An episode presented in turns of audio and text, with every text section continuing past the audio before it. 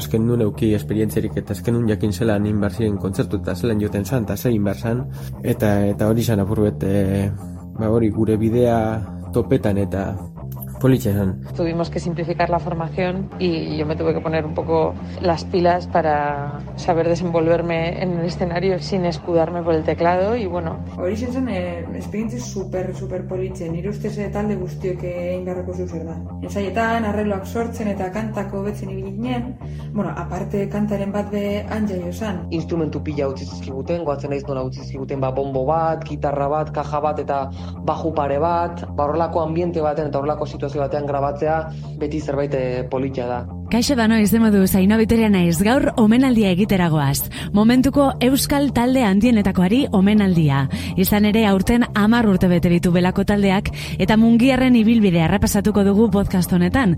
Nola, bantzun duzu moduan taldeko kide guztiekin batera. Lore, Josu, Lander eta Chris gonbidatu ditugu belakoren ibilbideari buruz hitz egiteko. Lau disko kaleratu dituzte momentuz eta disko bakoitza taldeko parteide batek azalduko dizu. Ongi etorri da noi.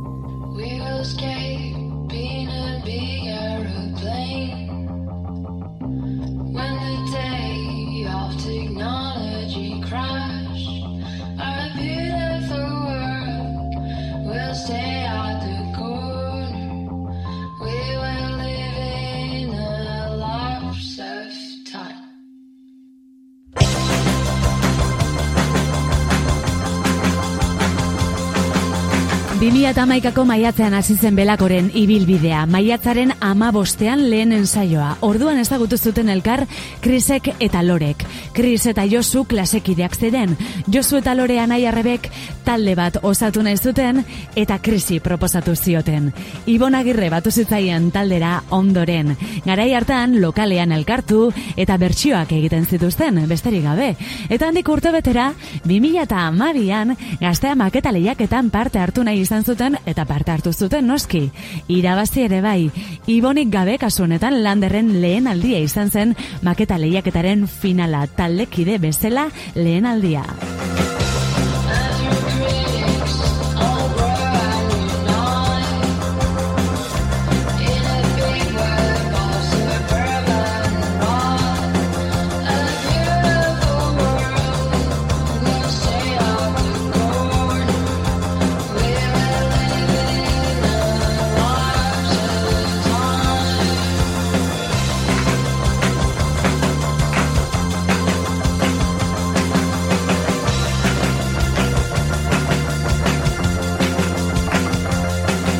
Eta 2008an iritsi zen euri edizkoa, Josu Bilela behitia. Azte beten, azte bete pikun, batu ginen laurok eta hasi ginen ba, pipa kante kateretan. Eta oso, oso politxe zen, ze momentuen dana guztetan jakun. E, Itzen gendun guztie, e, filtro, filtro barik, bai hori zen politxena. Ez, ez egoan e, estilo konkretu bet, baina kantak ziren, oso estilo diferentetakoak eta guretzako behintzat garai horretan oso interesgarri. Garai hartan hasi berri batek bizi duen intentsitatearekin bizi zuten dena eta oroitzapen ederrak dituzte. Oso garai politxe izan hori baketak zelan Madrileketik eta banatzen gendu zen ba, garito ezberdinetan ja, janon joan zan, berton bizkaiatik be ingen gure rekorrido etxue ba, gero, esken nuen euki esperientzerik eta esken nuen jakin zelan inbarzien kontzertu eta zelan joten zan eta zein inbarzan eta eta hori zan apurbet e, ba, hori gure bidea topetan eta politxe zan Ez dakite nola egin, baina egin zuten, eh? Eta hauren bidea topatu zuten. Bueno, oso gazteak inen bebai, ni nintzen nagusena mazortzi urtegaz. Eta, bueno, zekin jena purbet bertzino batzuk itzen eta kanta propioen bategaz. Gure lehenengo kanta propioa zan Molian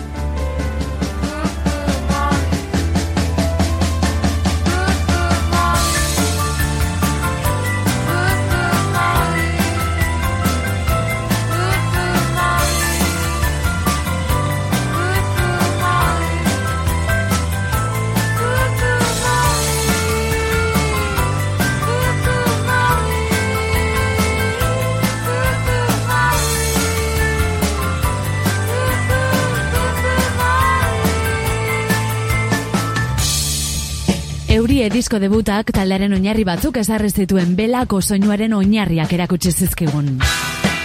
Claro, esperientziak itxi euki gendun, musika munduen, orduen kantak freskotasun hori dekie, guretzako esan freskoa, ze guretzako momentuen zan, ba, ba, ba bomba bat, ez? Guk e, pilo bat bizi gendu zen estudioko momentu horrek, e, lokaleko, lokalean komposatzeko momentu horrek, kantak guretzako oso espezialak ziren, Eta bueno, gaur egun badire bai, baina ikusi alda gure bo, diskografia guztien zelan aldatu dugun gure gure soinue edo zelan bide datu dugun era batetik eta eta oso diferente bire gertan dire joteko joteko erak e, gaur egun ganera analogikoan grabatzen dugu dena eta gara horretan ordenagailuan orduen be oin oin hobet ikusten da zela guakaran.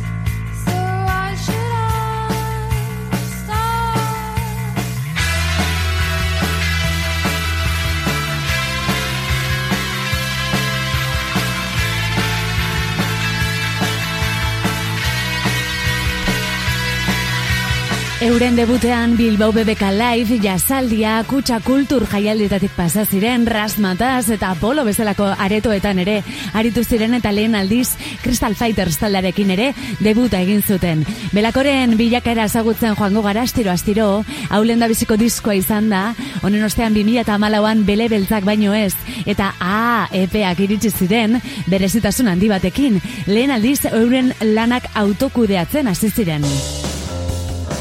Eta horretarako belako rekordzioa sortu zuten Lore Bilela Beitia. 2008 urte hori oso garrantzitsu izan zen e, belakontzako, ze epeak batera autogestionatzen hasi ginen eta belako rekordz disketzea sortu genduen. Berez esteko estrukturarik, baina gure abestien jabe izetako balio eusku, eta holan, e, amen diskoa, belako rekordz, eta musun pilo disketxeak koprodisututa kaleratu genduen. Kolaborazio bat da. Holan, e, formula honek funtzionatzen duela konturatu ginen, eta ordutik aurrera disko danak atara dugu, belako horrekoz, gehi beste dizketxe bategaz. Gure abestien eh, jaunta jabe izetako. Garai ura bikaina izan zen belakorentzat, lorek esan bezala. Nazioartera iritsi ziren lehen aldiz, eta Rolling Stone aldizkariak urteko talde berri onena izendatu zuen. Aldizkari prestigiotuaren ustez, erresuma batuan jaio balira, munduko talde garrantzitsuenen artean egongo lirateke. Eta laudorio hauek guztien artean, amen diskoa kaleratu zuten. Hau nomad.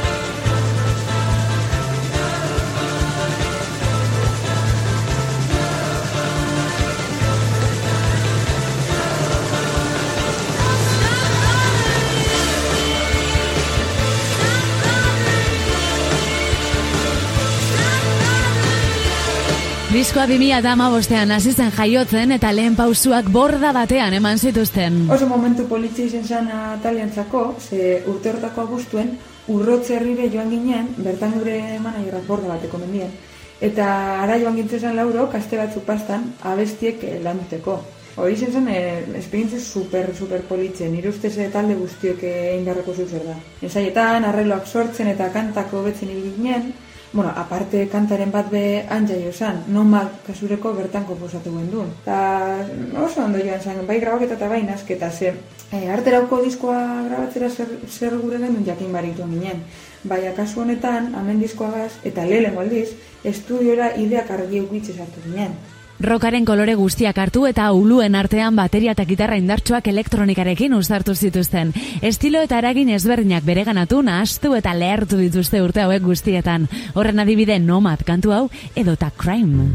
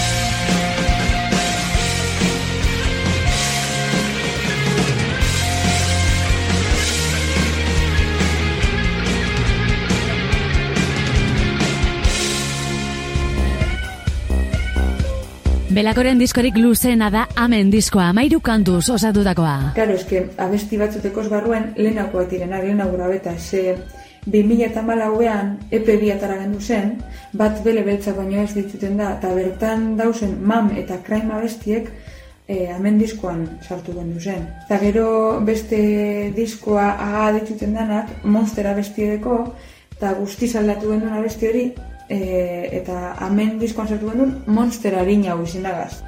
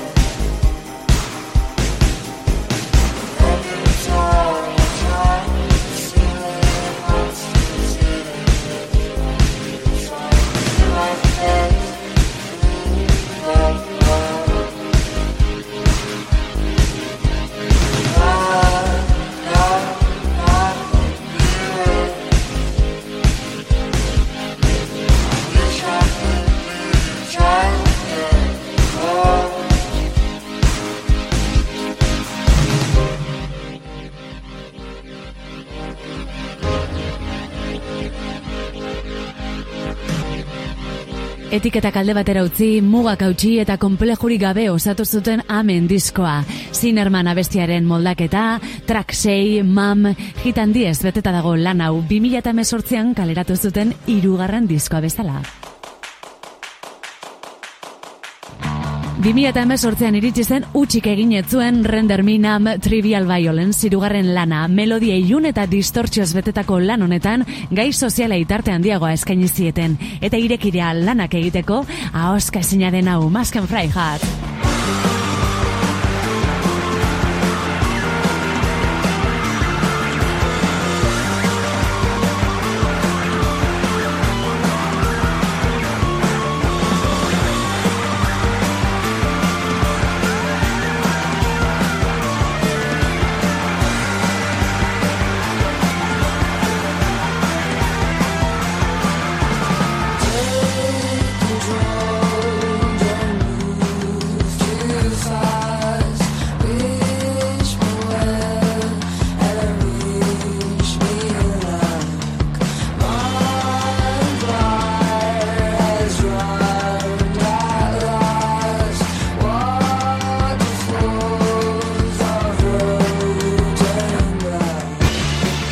Josuk Eurie diskoari buruz hitz egin digu, Lorek Amen diskoari buruz, hirugarren lana hitz egiteko Chris gonbidatu dugu. Hauxe Render Minam Trivial Violence diskoaren gainean kontatu diguna, Chris Lizarraga. Es un disco totalmente experimental en el que mm, hicimos cosas que admirábamos también de otros grupos, como crear un disco que sea un viaje con subidas, bajadas, eh, altos en el camino y distintas intensidades del que nos sentimos muy orgullosas, yo creo, las cuatro.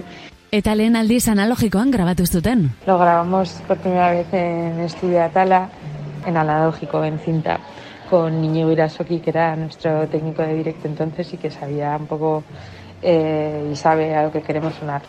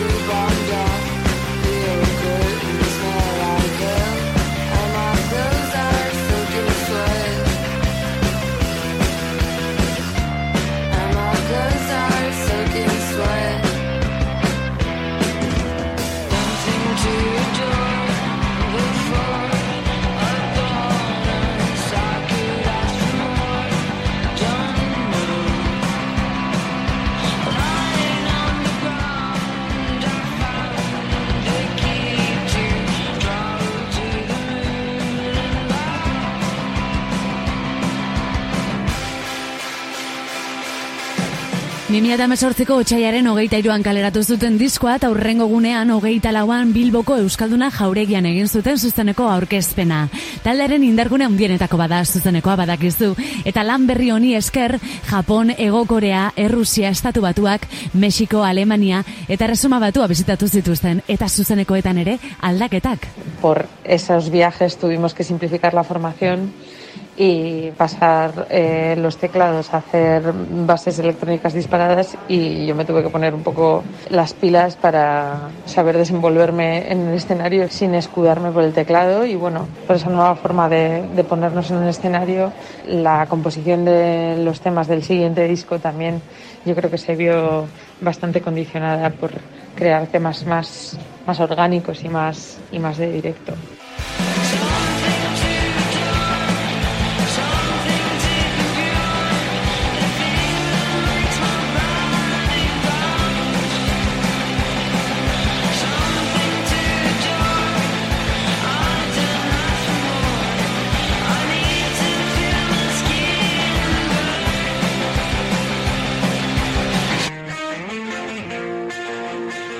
Eta laugarren eta azken diskoa falta zaigu Plastic Drama pandemiaren erdian ateratako lana. Disko pandemikoa lander zalakainen ustez. Plastic Drama disko pandemikoa da, edo nik uste horrela gogoratuko dugula beti, aurreko diskan bezala zintan grabatzea aukeratu genuen, hau da forma guztiz eh, analogikoan, eta egia zen oso esperintzi ona oso ondo pasa genuen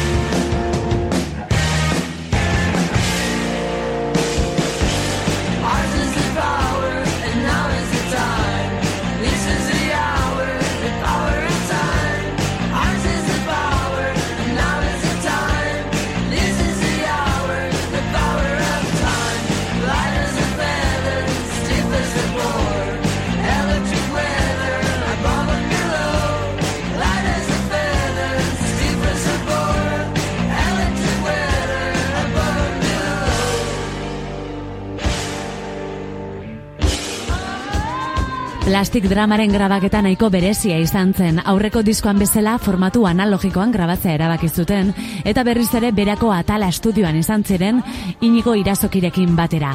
Esperientzia ahastezina landerren ustez. Beran lagun pila dauzkagu, herri oso musikaria da, instrumentu pila utzi zizkiguten, goatzen naiz nola utzi zizkiguten ba, bombo bat, gitarra bat, kaja bat eta baju pare bat, ampli batzuk ere, orduan, bueno, ba, horrelako ambiente baten eta horrelako situazio batean grabatzea beti zerbait eh, politia da. Eta honela jaio ziren Truth edo The Craft bezalako kantuak.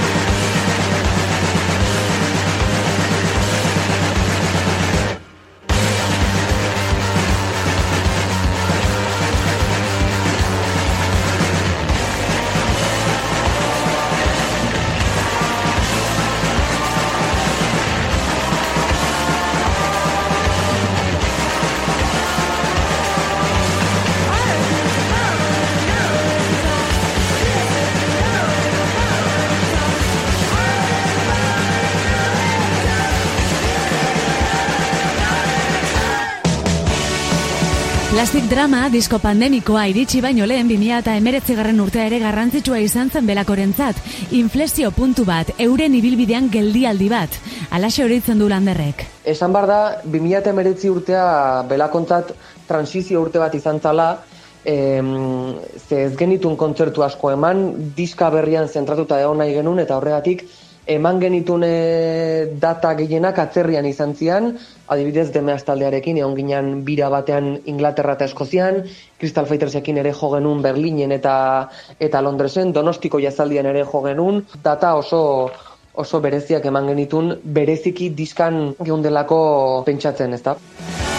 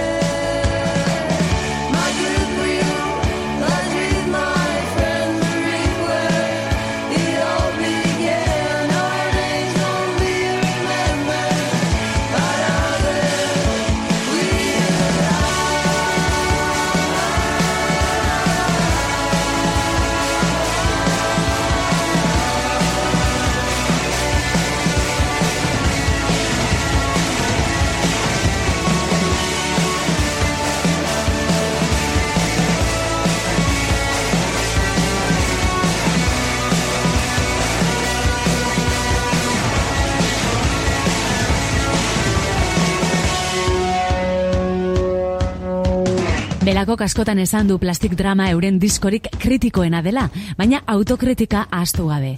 Gezurre zenguratutako gure gizartea salatu nahi izan dute lan honetan, beti ere denok zaku berean sartuta. Utsalak diren kexak egitaren etengabeko kritika eta praktika, eta gure privilegioak ez aitortzaren arazoa isladatu nahi izan dute. Eta letrari indarra emateko asmoz, ahotsek espazio handiagoa dute plastik draman, inoiz baino koro gehiago entzuten dira kantuetan, taimia pentzuten ari garen honetan, eta beste honetan ere bai, Profile Anxiety.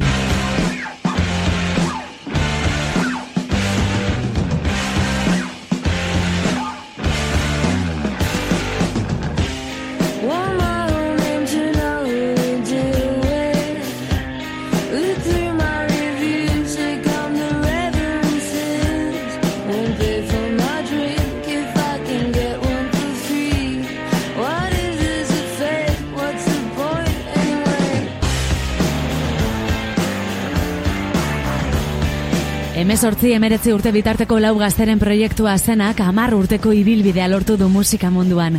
Eta ase ibilbidea. Euskal Herriko talderik internazionalena bilakatu da belako, eta guk esan genezaken gauza bakarra oso arro gaudela belakotaz. Zezango dugu ba. Beste amar, beste horren beste izan daitezela. Ei, eta zuri entzule eskerrik asko bisitagatik, aio.